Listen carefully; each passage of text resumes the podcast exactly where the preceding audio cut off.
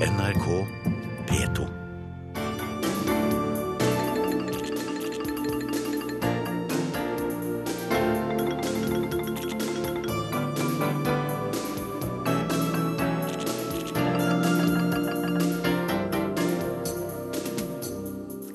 Det er umulig å bombe den ekstreme islamistiske gruppa ISIL ut av Irak, mener norsk forsker.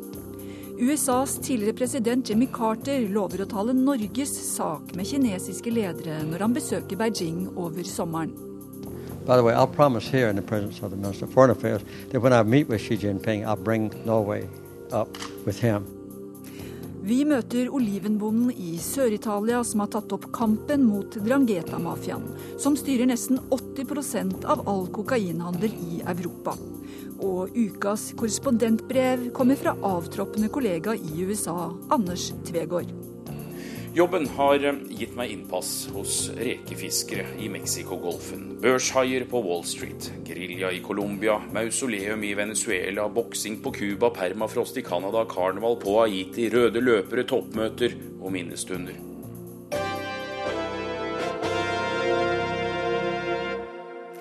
Velkommen til Verden på lørdag. Jeg heter Inger Marit Kolstadbråten. Vi starter i Irak, der myndighetene mobiliserer voldsomt for å prøve å stoppe den ytterliggående sunnimuslimske gruppa ISILs framrykning.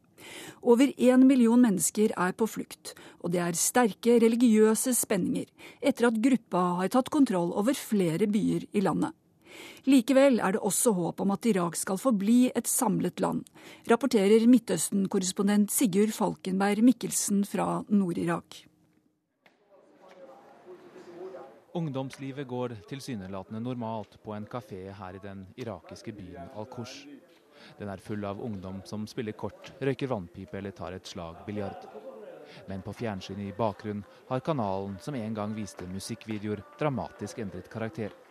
Videoene det viser, er nå sanger som hyller den irakiske hæren og politi. Det er menn som marsjerer, helikopter i luften og soldater som arresterer en mann i en lang, hvit kjortel, en distasha, som er typisk på den irakiske landsbygda. يعني انا غاني كعزبيل انا اخري بس يعني اتخذت مقاوم يعني ارهابيين زادي ارهابيين زادي من السودان اخني يعني خا من يعني لك ما يعني اخني كعزبيل انا انا غاني كبيره dette er sanger som er bra for å skremme terroristene, men for meg er de bare underholdning, sier Fide Rabba, som er inne i sitt siste år på videregående. Det er nå en voldsom mobilisering fra myndighetenes side, og propagandaapparatet går på høygir. Etter en katastrofal uke for Iraks statsminister Nouri al-Maliki, da hele hæren i nord kollapset, mobiliserer de nå på religiøs tilhørighet.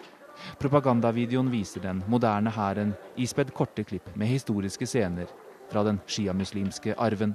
F.eks. innklipp av krigere fra det 7. århundre som skyter piler mot en vannsekk.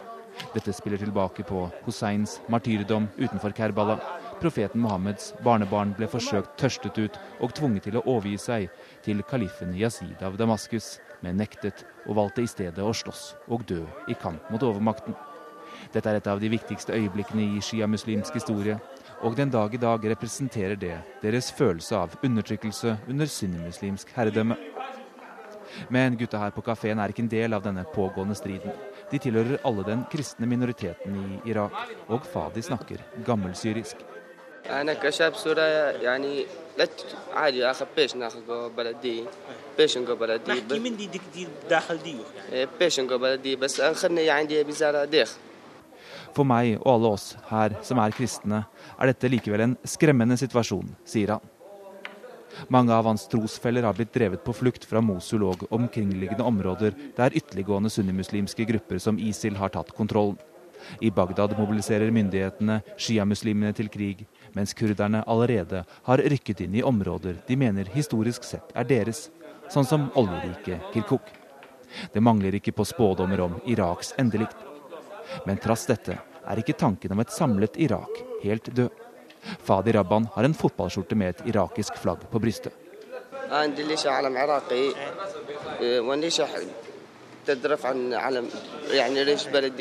Jeg er redd for at hvis landet blir oppsplittet, så blir situasjonen enda verre, sier han. Fra Nord-Irak skal vi til hovedstaden Bagdad. For et par timer siden snakket jeg med Mohammed Abbas, som bor i byen. The situation is uh, calm, but people are very uh, on the edge, very tense, I say. Uh, there is no food shortages or fuel shortages or queues as such. Mohammed Abbas forteller at situasjonen i Bagdad er rolig, men spent. Det er foreløpig ikke mangel verken på mat eller bensin. Men mange forlater nå landet i frykt for hva som kan skje. Uh, there is a rush to the airport. Uh, a lot of people are now thinking about uh, immigration plans, resettlement in other countries, in neighboring countries, and even further. Do people fear that ISIL will uh, reach Baghdad? Yes, this fear is uh, is imminent. It is here, and of course, it uh, uh it is uh, reflects the nature of who you are, to which sect. Abbas forteller at folk er redde for at den ytterliggående gruppa ISIL også skal nå hovedstaden. Og sjiamuslimene i byen er selvsagt de som er mest redde for den sunnimuslimske gruppa. Kjetil eh, Selvik, du er forsker ved Christian Michelsens institutt i Bergen. Hvor effektiv er kampanjen fra irakiske myndigheter for å rekruttere folk mot den eh, ytterliggående gruppa ISIL?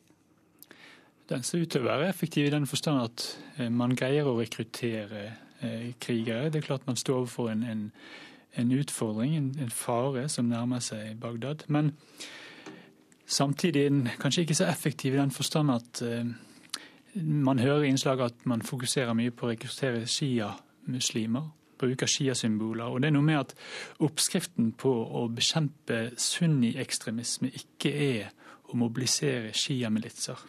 Ja, hvordan påvirker egentlig nettopp den type eh, propaganda eller rekrutteringsstrategi eh, sunnien og kurderne i landet?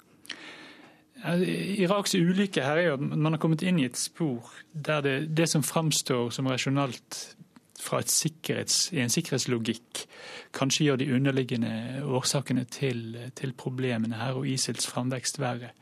For det Opprøret her henter en næring fra, fra en marginalisering som sunni-araberne har opplevd i irakisk politikk over lang tid. Og, og de har en, en, en, et fiendebilde som der hæren i realiteten tilhører Maliki Eh, statsminister Maliki, eller sjiamuslimene mer generelt, og ikke representerer den samlede nasjonen. Bak Maliki ser de eh, Iran, som, som de anser som Iraks historiske fiende. Eh, og I dette resonnementet som fører det til, til, sin ytterste konsekvens, så blir jo hæren i de sunni-arabiske områdene da oppfattet som en okkupasjonsstyrke. Så det betyr at denne kampanjen egentlig kan gjøre situasjonen verre i forhold til den splittelsen som er mellom gruppene i landet? Ja, det er det jeg mener at det som trengs eh, for å gjøre noe med de underliggende årsakene her, det er at man får sunni-araberne altså viktige deler av sunni-arabiske segmentet til å snu seg mot ISIL. Mens militære angrep nå særlig i den grad de fremstår som sjiamuslimske militære angrep, vil ha stikk motsatt effekt. Det vil føre til at avstanden til Bagdad blir enda større, og da potensielt øke rekrutteringsgrunnlaget for, for, ISIL. Men hvilke muligheter har egentlig irakiske styrker til å kaste ISIL ut av landet? Det ISIL er på sett og vis kanskje sin, sin egen verste fiende.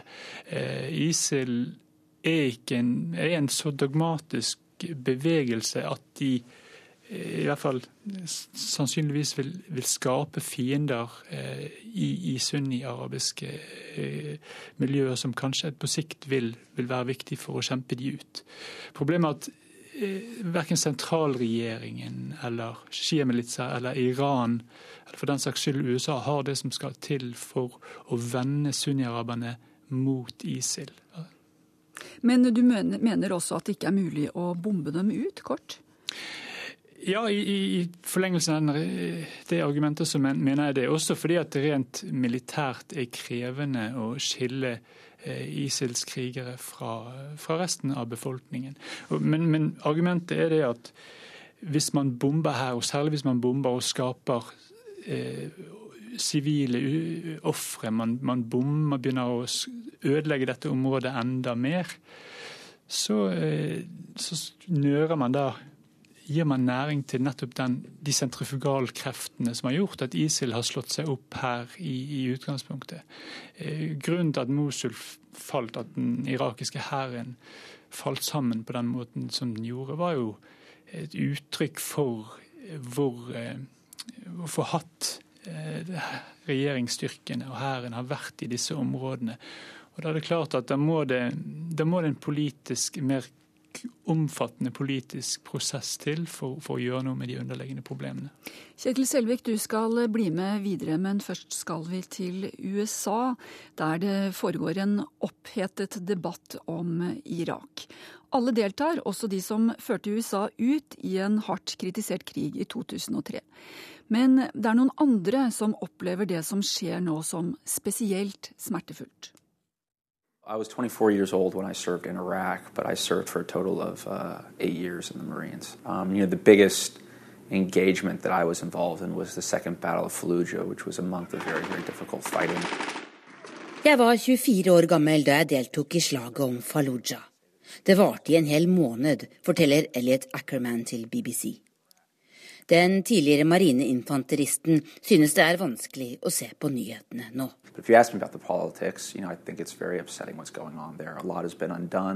President Obama kan ha begått en historisk feil da han trakk alle soldatene ut av Irak, mener Ackerman.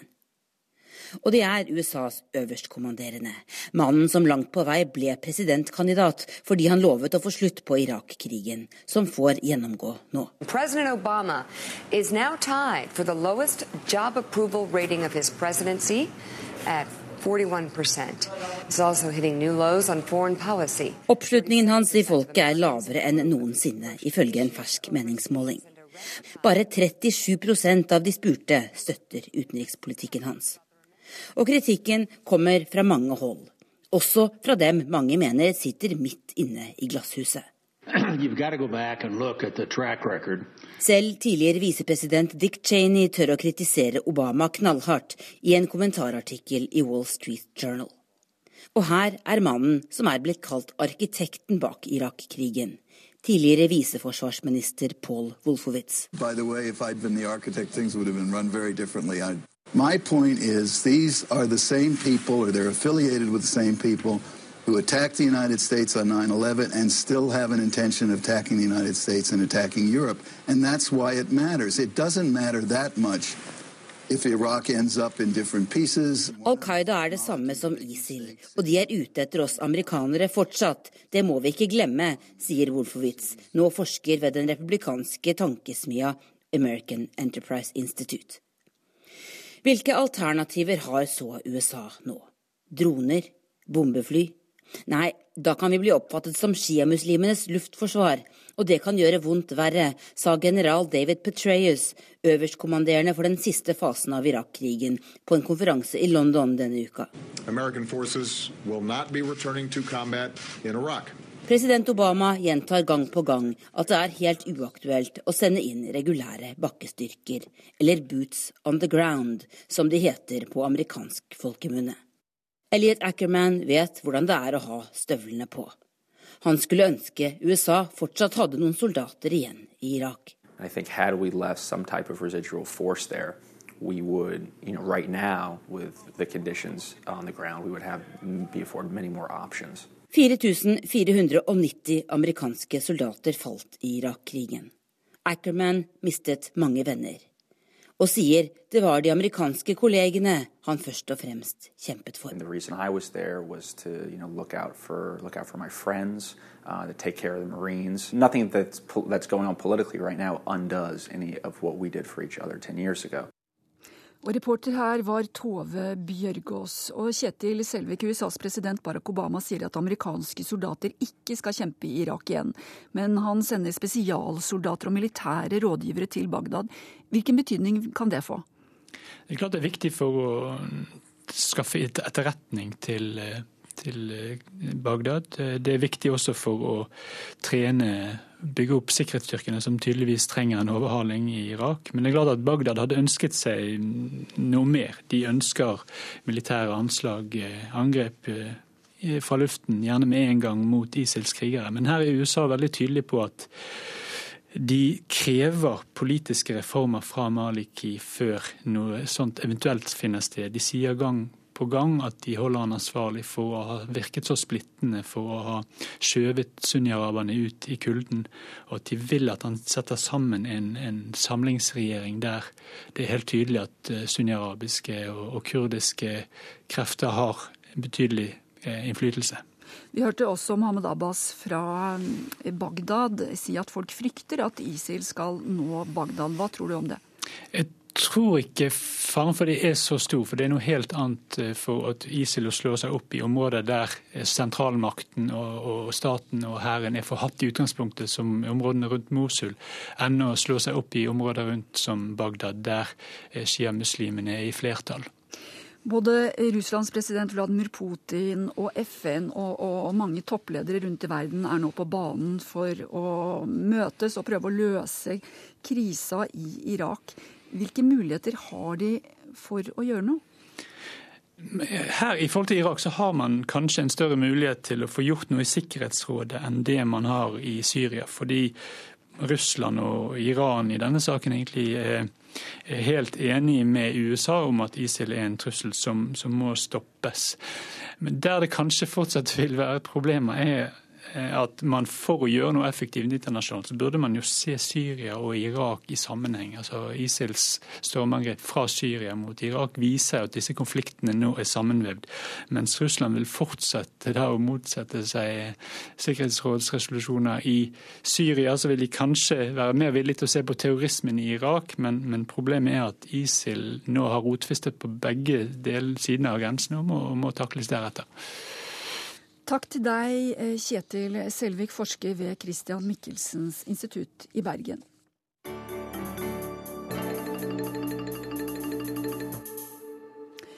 USAs tidligere president Jimmy Carter lover å tale Norges sak med kinesiske ledere når han besøker Beijing over sommeren. Han har gjort det før, og han gjør det gjerne igjen. Det sier han til NRK, med utenriksminister Børge Brende som vitne.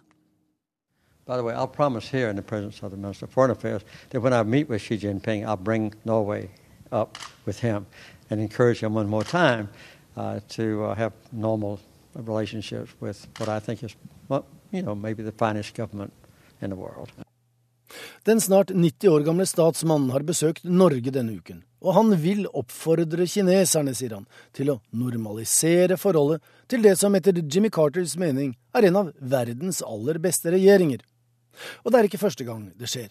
Han har møtt president Xi Jinping fire ganger tidligere, og har da forklart den kinesiske presidenten at den norske regjeringen ikke har noe med utvelgelse av fredsprisvinnere å gjøre.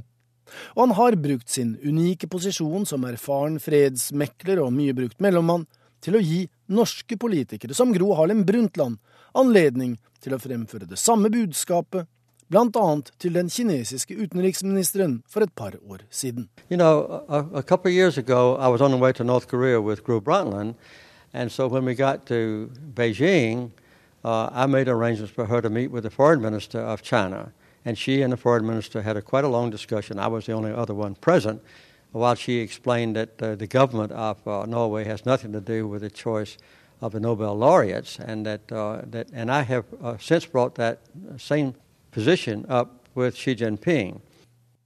Etter at hans forgjenger Richard Nixon hadde åpnet dørene til Folkerepublikken, var det president Jimmy Carter som i 1979 normaliserte de diplomatiske forbindelsene mellom Washington og Peking, som vi sa den gang.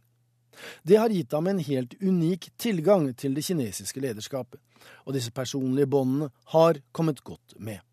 Den unge marineoffiseren Jimmy Carter besøkte Kina første gang i 1949, og Deng Xiaoping pleide å minne ham om at Folkerepublikken så dagens lys på Carters 25-årsdag, et sammentreff fredsprisvinneren har hatt mye diplomatisk glede av på sine årlige besøk i Kina. I, I visited China when I was a very young submarine officer in 1949. And that's one of the main uh, personal relationships that I had with uh, Deng Xiaoping when I decided to normalize diplomatic relations. We had very secret uh, talks. And one of the things that he always brought up was that uh, the People's Republic of China was born on my 25th birthday. October 1st, 1949. so uh, I think just that connection with me visiting China uh, back in those very vital days for the Chinese uh, history uh, was a personal kind of thing that helped us to reach an agreement. President Carter minnes med en viss gru av mange amerikanere.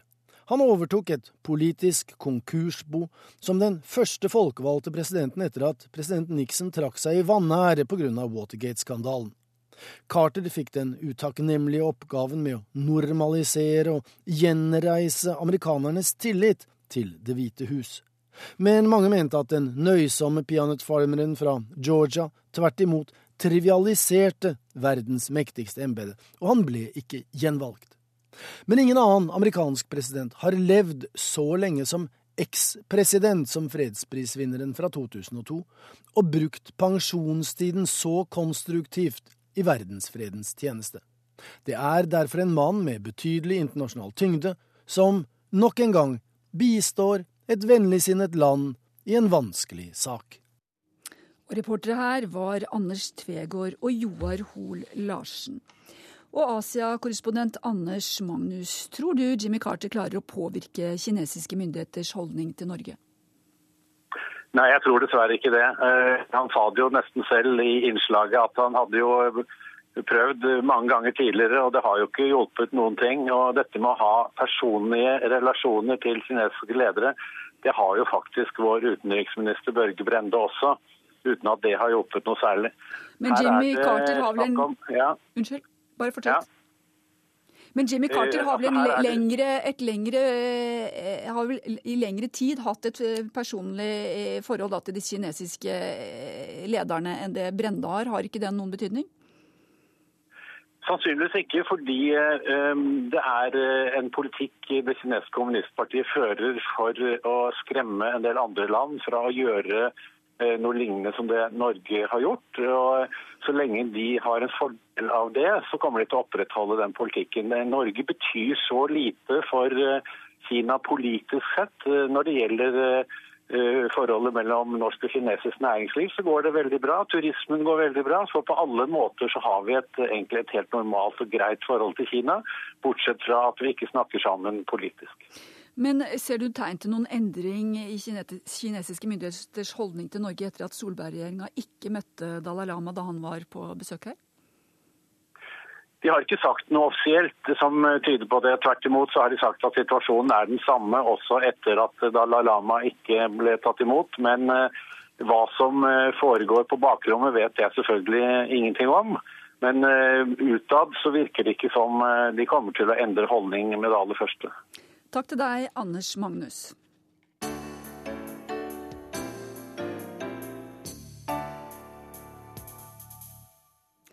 Neste stopp er Sør-Italia, der Drangheta-mafiaen styrer nesten 80% av all kokainhandel i Europa, og omsetter for nesten 500 milliarder kroner årlig.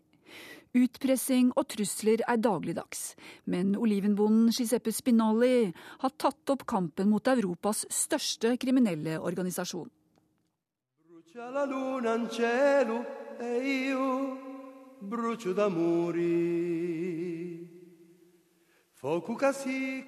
De synger om mot og omerta. Drangheta-mafiaens æreskodeks. De hyller sine helter og dyrker familien. Her, helt sør i Italia, har Drangheta-mafiaen det første og det siste ordet. Få ting blir gjort uten at Europas mektigste kriminelle organisasjon har en finger med i spill. En liten kjøretur fra byen Reggio di Calabria, bort fra hovedveien og trafikken, gjennom olivenlunder og krattskog, forbi landsbyer og våkne blikk, her, midt ute i ingenting, bor olivenbonden Giuseppe Spinelli. Hello. Hallo. Han spiller ikke på laget. Han følger ikke reglene, og han har fått beskjed. Hvert eneste år siden 2006 har han fått beskjed. Totalt har Drangheta-mafiaen brent ned 200 trær og skadet 800 av hans totalt 1400 oliventrær. Trær som bruker mellom 50 og 200 år på å reparere seg selv. Ute i det høye gresset, der urter og krydderplanter vokser vilt, ligger restene av det som er igjen av de eldgamle og nedbrente oliventrærne. In the night it was lighting han driver økologisk landbruk på den lille gården. Her brukes ingen kjemikalier eller tilsetningsstoffer. Her er alt rent og naturlig. Men det koster. Because they, they want that I don't stay anymore here. They think when I arrived here, um, um, a shepherd said to me, what are you doing? De ønsker å bli kvitt meg. De mener at jorda er deres forteller han. Langs husveggen er det satt opp overvåkingskameraer, og lyden av de bensindrevne kuttemaskinene er konstant.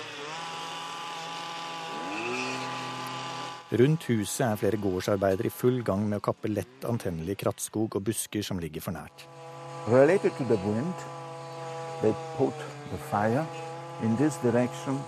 Noen ganger setter de fyr på et område i nord andre ganger nede ved elven.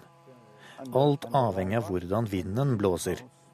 De vil gjøre mest mulig skade, sier mannen som nekter å gi seg.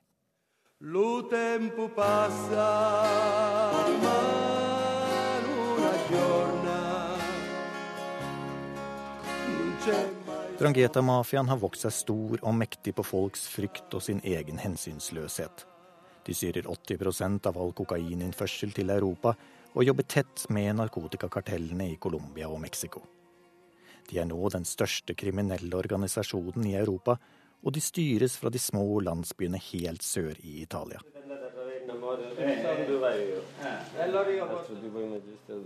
Fra sitt godt beskyttede kontor midt i Reggio di Calabria sier Nicola Crateri Italias antimafiaarbeid.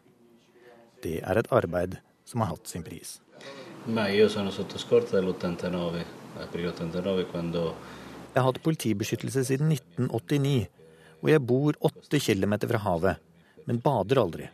Og det er over 20 år siden jeg har vært på kino eller en restaurant, så mitt liv har helt klare begrensninger, sier mannen som lenge har stått øverst på mafiaens dødsliste.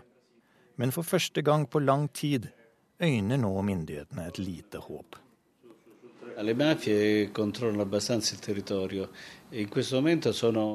Crisi. Mafiaen kontrollerer forholdsvis store områder, men akkurat nå har de en vanskelig periode. Fordi vi har gjort så mange arrestasjoner, sier han.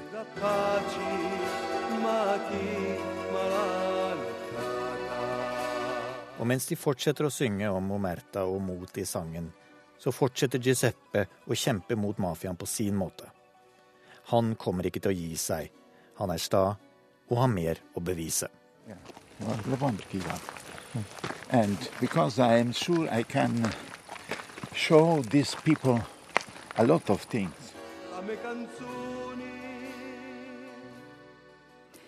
Og reporter i Sør-Italia var Christian Aanensen.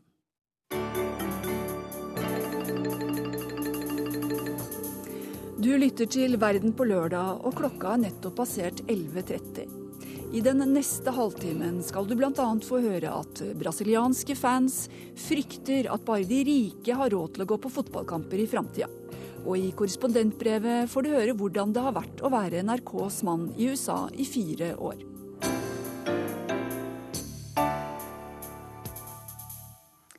Men først skal vi til Frankrike, som er det landet som har straffet kjønnslemlestelse av jenter hardest.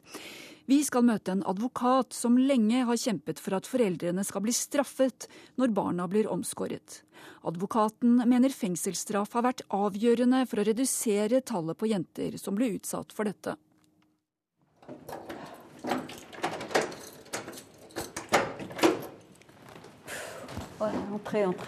Linda vil Curiel vise meg inn på kontoret. Det ligner mer en liten leilighet der den ligger i hjertet av Paris ved kaminen står stuemøbler, I bokhylla et bilde av henne og tidligere president Nicolas Sarkozy, der hun blir tildelt den franske æreslegionen. Det er den høyeste utmerkelsen i Frankrike, og hun fikk den sammen med en afrikanskfødt kvinne. Hun var en kutter og ble sendt i fengsel delvis pga. meg. Hun har omskåret så mange jenter, forteller Will Curiel. Men da hun slapp ut av fengsel, begynte hun å ringe advokaten. Det endte med at de sammen skrev en bok og gikk ut og advarte mot praksisen. To talk to TV on TV and said, Please, I ask your parents, don't do it anymore on your children. This is the uh, official first. Over 30 år er gått siden Ville Curiel startet kampen mot en tradisjon som påfører jenter ekstrem smerte og livslang skade. 1982. Tradition africaine contre justice française. It's not a cultural thing. It's a crime committed on a child. Point final. Det er et kriminelt overgrep mot barnet, ikke kultur, slår hun fast. Hun blar frem til et bilde. Ah, voilà, ça c'était la photo. Ça c'est l'excision comme c'est pratiqué. Et en France, ils ont fait la même chose. Det er slik de gjør det, også i Frankrike. De holder barnets lår, og så kutter kvinnen, forteller hun. This practice is not acceptable here because society has a duty to protect children. Ingen europeiske land har slått så hardt ned på omskjæring som Frankrike. Der andre har innført forbud uten å følge opp med systematiske informasjonskampanjer og kontroll, har franske myndigheter tatt loven på alvor. Over 100 foreldre har blitt fengslet for å ha fått kuttet barna sine. Will Curiel mener alt annet er rasisme. If it were a fair haired, blue eyed girl, there would be persecution. You would raise hell. You can't do that to a child. You can't do that to a child, even if she's black. Gynekolog Emmanuel Pied viser frem bilder hvor jentene får skåret bort deler av klitoris og kjønnsleppene.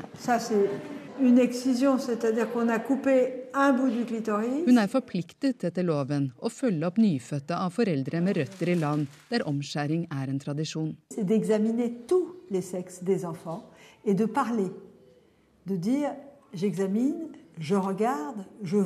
Det første jeg gjør, er å fortelle foreldrene at vi må sjekke henne.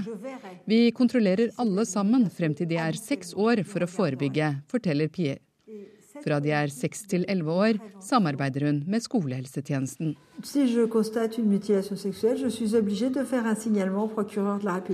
Jeg er pålagt å anmelde hvis de gjør noe mot barnet, sier hun.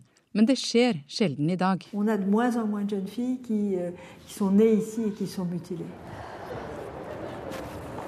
Merde. Advokat Linda Curiel sliter opp alle trappene til domstolen i Paris. Hofta er vond, men det stopper ikke det livslange engasjementet. Kriminaldomstolen står det over tunge tredører.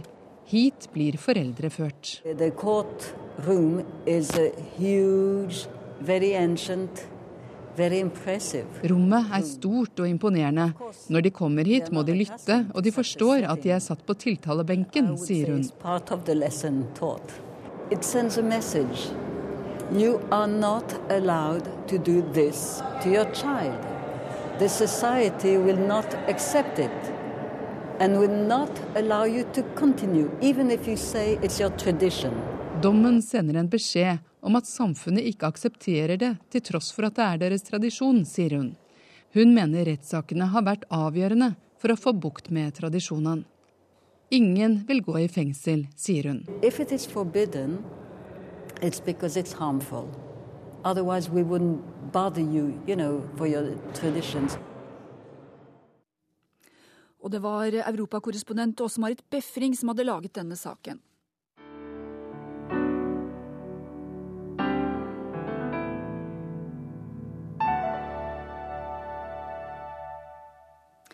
En omstridt mann som er åndelig leder for et hardt prøvet folk, besøkte Norge denne uka. Pave Tawadros den andre forsøker nå å geleide sine trosfeller i den koptiske kirken gjennom kaoset i Egypt. Metodene har han fått kritikk for.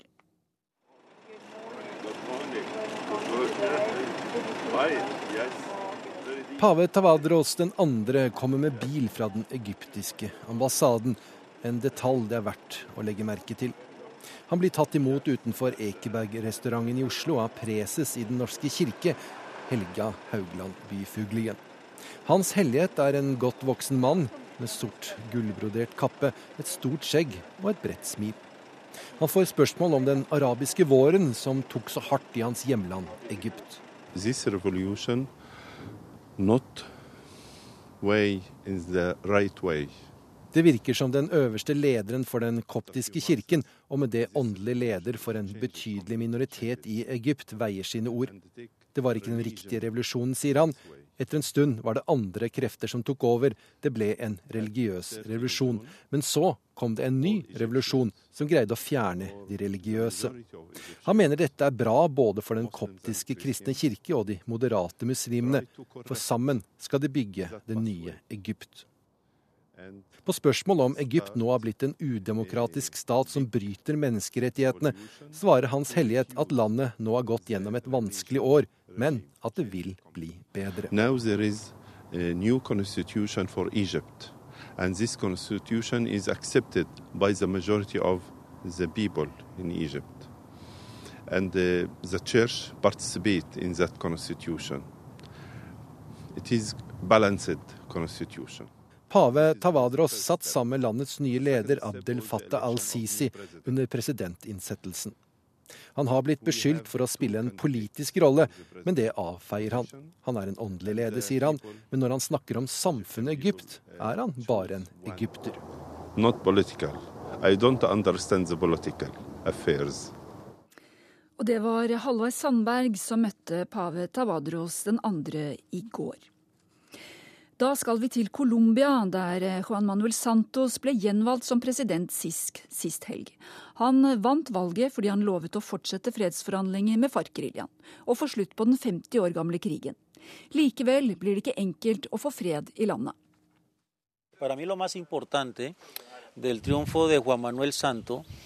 Det viktigste for meg med Juan Manuel Santos' seier er at han ble gjenvalgt fordi han la vekt på fredsforhandlingene med FARC-geriljaen. Det sier Yesid Arteta, som er tidligere kommandant i den venstreorienterte geriljaen. Denne uka var han i Norge og deltok på fredsmeglersamlinga på Losby gods på Lørenskog. Sist søndag jublet Santos tilhengere da det ble klart at han var vinneren av presidentvalget. Santos tapte i første runde mot høyrekandidaten Oscar Ivan Zuluaga. Søndag fikk han stemmene til mange på venstresida som stemte på andre kandidater i første valgomgang. De holdt seg for nesa mens de stemte på Santos, fordi han lovet å fortsette fredssamtalene med FARC-geriljaen.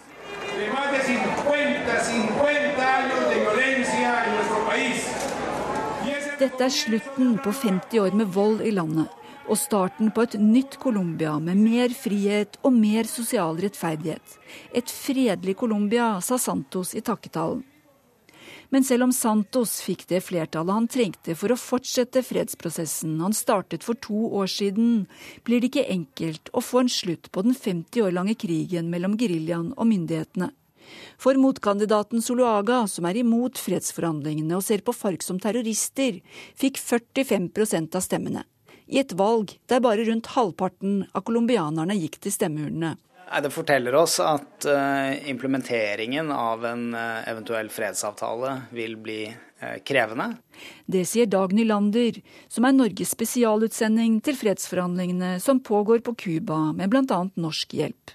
Ikke bare må geriljaen og regjeringen komme frem til en fredsavtale, de må også sørge for å få befolkningen til å støtte fredsavtalen se necesitaría eh, en los siguientes meses de neste månedene må fredsforhandlerne jobbe hardt for å få større framgang i forhandlingene, sier Arteta. Han mener Santos må overbevise skeptikerne om at det han gjør er riktig. Folk som bor i områder der det fortsatt er krig, forstår hvor viktig fredsprosessen er. Men det gjør ikke folk i byene langt unna krigshandlingene, sier han. Og det vil bli tøft å få gjennom en eventuell fredsavtale i Kongressen. For fredsprosessens største kritiker, tidligere president Alvaro Ribe, som også er Zuluagas støttespiller, leder opposisjonen der. Colombianere som støtter Oribe og Zuluaga, frykter at FARC-soldater skal få amnesti og slippe fengsel for sine kriminelle handlinger, som kidnappinger, drap og seksuelle overgrep. Over fire millioner har blitt fordrevet fra sine hjem som følge av den 50 år lange krigen. Lo Lo importante es que haya un reconocimiento del daño ocasionado. Det viktigste er at sannheten kommer fram i lyset. At de erkjenner de overgrep som har skjedd, lover at det ikke skal skje igjen. Og at det skjer en rehabilitering av alle som har vært involvert i krigen, sier Arteta. Som tidligere FARC-soldat har han selv sittet ti år i fengsel. Men likevel mener han det nærmest er umulig å tenke seg at FARC undertegner en avtale som ender med at deres medlemmer og sjefer må tilbringe mange år bak murene.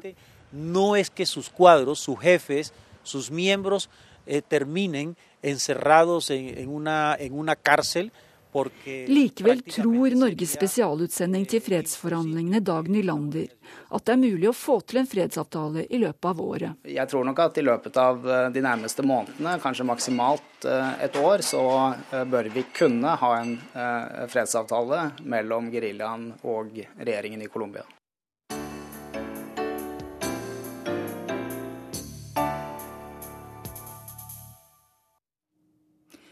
Fotball-VM i Brasil er et angrep på den folkelige fotballkulturen i landet. Det sier den kjente Fifa-kritikeren Christopher Gaffney til NRK. Billettprisene har steget kraftig på flere av de største stadion, stadionanleggene foran VM, og brasilianske fans frykter at arenaene i framtida bare blir for de rike, rapporterer Arnt Stefansen fra Rio.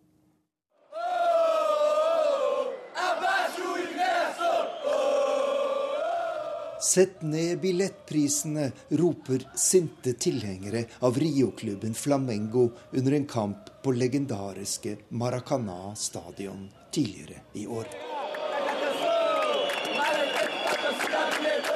Nye Maracana, der VM-finalen skal spilles om tre uker, er blitt modernisert for enorme summer foran verdensmesterskapet, noe som har fått billettprisene på vanlige seriekamper til å eksplodere. Billigste billett koster nå 60 reis, rundt 160 kroner. Det er tre dagers lønn for en brasilianer på minstelønn. Den amerikanske Fifa-kritikeren Christopher Gaffney, som bor her i Rio, kaller dette et overgrep mot brasiliansk fotballkultur. Maracana, for example, even as few as six years ago, had Maracana hadde for bare seks år siden billettpriser på fem reais, to og en halv dollar. Og det var en tradisjon å gå på kamp sammen med venner uten å tenke på hva det kostet. Nå er altså prisen mer enn tidoblet, og det utelukker svært mange vanlige fotballfans. Dermed ødelegger man noe av det mest verdifulle i den brasilianske fotballkulturen, det folkelige og spontane, sier Christopher Gaffney, som mener VM-arrangementet er en skandale. In Brazil, what we've seen is the destruction of uh. Det vi har sett her i Brasil, er at kjente fotballanlegg i Rio og i flere andre byer er blitt revet. De ble i sin tid bygget med offentlige midler, og de siste årene er de blitt revet og gjenoppbygget med skattepenger, og deretter privatisert. På den måten har man subsidiert private selskaper, slik at de kan tjene penger på driften av anleggene. Det er jo det motsatte av hva myndighetene lovet da Brasil fikk fotball-VM, sier den amerikanske Fifa-kritikeren.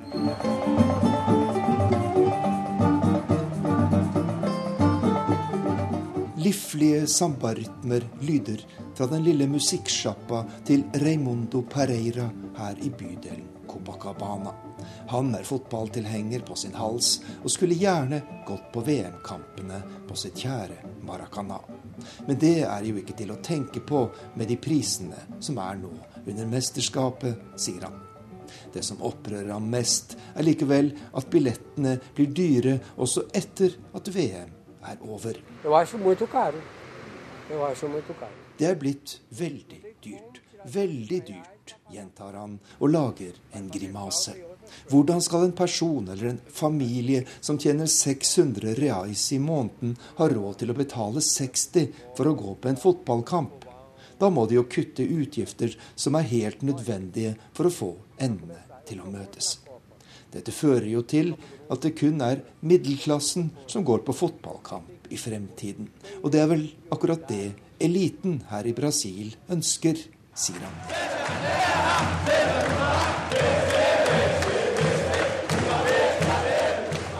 Slik hørtes det ut når Flamengo-fansen var i sving på gamle Maracana, da billettprisene var lave og tilhengernes elleville kulturprogram var en viktig del av opplevelsen. Nå er det innført forbud mot å ta med musikkinstrumenter på stadion, i tillegg til at billettprisen altså har skutt i været. Fotball-VM her i Brasil er et trist samrøre av Fifas kulturarroganse og rike brasilianeres manglende respekt for det som kommer fra grasrota, sier Christopher Gaffney. When you look at the interests that are behind the World Cup, it, it's a very narrow section of Brazil, uh, of Brazilian culture. It's an elite Når du ser på hvilke interesser som står bak fotball-VM, så er det snakk om en liten del av Brasils befolkning, en elite som ikke ser verdien av den folkelige kulturen. Det er en enorm forskjell mellom elitekulturen og folkets kultur i Brasil. For de som tilhører den brasilianske eliten, er det USA og Europa som er forbildet, og de vil kopiere disse verdiene. De vil ha dyre stadionanlegg for rike, dannede mennesker, og stenger derfor ute det som er det viktigste argumentet for å gi Brasil et fotball-VM, nemlig landets enestående folkelige fotballkultur, sier den amerikanske Fifa-kritikeren Christopher Gaffney. Og da er det klart for ukas korrespondentbrev, som kommer fra avtroppende kollega i USA, Anders Tvegård. Ikke gråt fordi det er over, smil fordi det skjedde, skrev den amerikanske forfatteren dr. Sus. Sitatet kan brukes i mange sammenhenger, også når et korrespondentmaraton er over. Etter litt over fire år, noen kilo og 48 delstater senere, burde tida være moden for å reflektere over landet jeg ønsker å tro at jeg kjenner. Ja, med et lite forbehold fordi jeg har vært i tvil om hva USA er og hvor landet går, og nå er jeg ikke sikker lenger. Påstand. USA endrer seg raskere enn mange her liker. Noen føler de mister grepet. Vekta går opp, befolkningen blir eldre, og USAs ansikt er i endring. Tettsteder som før var blenda hvite, har eksplodert i salsarytmer og latinokultur. Hvordan har det vært, er et spørsmål jeg har fått mye i det siste. Jeg har tatt meg i at jeg sjelden har et godt svar uten de opplagte frasene. Fokuset har vært på morgendagen, ikke hva jeg gjorde i går. Framover blir det uansett nok tid til å bearbeide inntrykkene og opplevelsene. Jobben har gitt meg innpass hos rekefiskere i Mexicogolfen, børshaier på Wall Street, gerilja i Colombia, mausoleum i Venezuela, boksing på Cuba, permafrost i Canada, karneval på Haiti, røde løpere, toppmøter og minnestunder. Ødelagte nabolag etter naturkrefter eller menneskelig ondskap, strender og stepper, svette og pågangsmot. Lange og innholdsrike dager i en fireårig egotripp. En bearbeidet og reflektert kortversjon er ennå ikke innøvd. Begynner jeg å fortelle om temaer som har rørt ved meg ofte, så handler det om tankesettet og verdisynet her, hender det at den som spurte, blir utålmodig. Et mm kommer på feil sted. Det kan være fordi referanserammene er forskjellige, eller fordi mange kjenner amerikansk kultur og føler de vet hva USA er. Vi har kjempet de fleste kriger sammen. Vi har vokst opp med Hollywood, Willie Nelsons og Lady Gagaer. New York er bare en roman eller et par filmer unna flere norske flyplasser. En observasjon har likevel festet seg. Etter den verste resesjonen på flere generasjoner, så er landet på vei opp fra knestående. Amerikanerne reiser seg etter et knockout der middelaldrende og eldre mistet sparepengene, huset eller jobben. Selv rustbeltet har fått en overhaling. Dette er et land der det fortsatt gambles og tas sjanser. Penger satses, og noen får sju rette. Få investorer og gründere bryr seg om at den hullete, digitale motorveien ligger mil bak andre land de vil sammenligne seg med. Den bunnløse troen på suksess er hogd i stein selv når det er mørkt. Min alltid røykende nabo Barbara stakk innom denne uka. Hun vet vi er i ferd med å pakke eskene og sende dem til en ny virkelighet. Hun kom ikke for å gi råd. Hun har bodd for mange steder i verden til å gidde å mene noe om hvor vemodig, men nødvendig en flytteprosess kan være. Hun kom heller ikke for å fiske etter et brukt elektrisk apparat som ikke tåler norsk strømstyrke. Andre naboer har vært mer framoverlent, for å si det sånn. Barbara kom for å fortelle hva hun mener burde sette mest spor etter årene i Washington. Vi satt på terrassen i høy hete og luftfuktighet med et foreløpig halvfullt askebeger for å holde knotten unna. Blomstene var i ferd med å lukke seg. Tidligere på dagen møtte jeg arbeidsledige Breeze. Han er omtalt i flere korrespondentbrev som hverdagsfilosofen og den intelligente tiggeren. Jeg har gjort drastiske endringer, jeg har valgt å stresse ned. Breeze sitter på bruskassa si. Han er hakket mer opprømt enn dem som svetter forbi i den skarpe ettermiddagssola. Jeg følte jeg var annerledes fordi jeg ikke tastet på en smarttelefon. Da jeg besøkte faren min på 93-årsdagen hans, så han at jeg var sliten. Gir ned, sønn. Skru ned forventningene. Og så gjorde jeg det. Breeze bryter ut i en hysterisk latter. Du spurte om hva jeg tror har gjort inntrykk på deg, og så plaprer jeg i vei om mitt liv. Én ting jeg ikke har lagt i skuffen, er planen om å møte deg i Oslo når jeg får tid til å reise dit. Nobeldiplomet mitt venter, vet du. Det husker du. Den spinkle mannen med de markerte kinnbeina har blitt gråere og mer senete siden jeg så ham første gang. Ildfluene kjemper om kapp med sigarettgloa på terrassen. Sikadene har klatret opp i trærne og startet gressklippersymfonien. Blomsterbedet ser fortsatt bra ut, bemerker Barbara. Jeg husker dere fikk de avleggerne fra meg. Hun peker på en plante jeg ikke har peiling på hva heter. Det er overflateting vi er opptatt av her i Georgetown. Men Barbaras stikkord for hva vi bør huske etter fire år i USA, er sykdom. Stemmen er like grov som et fargerikt dyr i regnskogen når hun diagnostiserer et pleieklart land. Demokratiet er i fare. Vi har politikere som tar president og land som gissel, og samtidig overvåkes vi uten særlig innsyn. Dette vil du minnes, Anders, sier naboen, mens hun knipser bort en mygg fra underarmen og unngår at sigarettasken treffer fanget. Sterke krefter manipulerer og tar over agendaen. Kandidater uten nevneverdig politisk erfaring blir valgt i verdens mest innflytelsesrike land, samtidig som det arbeides med å innskrenke stemmeretten. Registreringsprosessen gjøres tidkrevende, og bokstavelig talt settes det hindre i veien for at en skal nå fram til urnene i tide. Valgkampfinansiering, mumles det gjennom røyken. Nok en reform må til for å stanse pengeflyten. Hvis ikke kommer superpacks og de maktsyke til å holde kvelertaket, mener hun. Kongressen er fortsatt den mest upopulære gjennom tidene. Representanthusets leder gjør ikke jobben han er satt til. Det står ikke noe i jobbeskrivelsen hans om at det er frivillig om forslag skal legges fram til avstemning. Barbara trekker inn pusten, holder den i tre sekunder og blåser ut samme farge som håret. Selv lovforslag som er ferdigtygd i Senatet, ses på som for giftig i det andre kammeret. Immigrasjonsreform er holdt igjen som ett eksempel. Mens du har vært her, har det skjedd en gisseltaking av demokratiet, hevder Barbara, som politisk er alt annet enn republikansk. Min alltid røykende nabo blåser i forklaringene. Hun refererer bare til Sør-Afrika og Nord-Irland, der folk fikk drømmen om en bedre hverdag oppfylt. Det var uutholdelig i lange tider. Få visste om hva som skjedde i kulissene, og omveltningene kom brått på mange. Jeg har også et ønske om et annet samfunn. Her vil forsøk på å få til mer rettferdig hverdag og et ekte demokrati bli motarbeidet av advokater i generasjoner, tror Barbara. Hun okker seg over at hun ikke har en oppskrift. Egentlig burde vi lagt inn en bakterie i kaviaren, slik at de aller rikeste ble satt ut av spill. Munnvikene hennes trekkes oppover.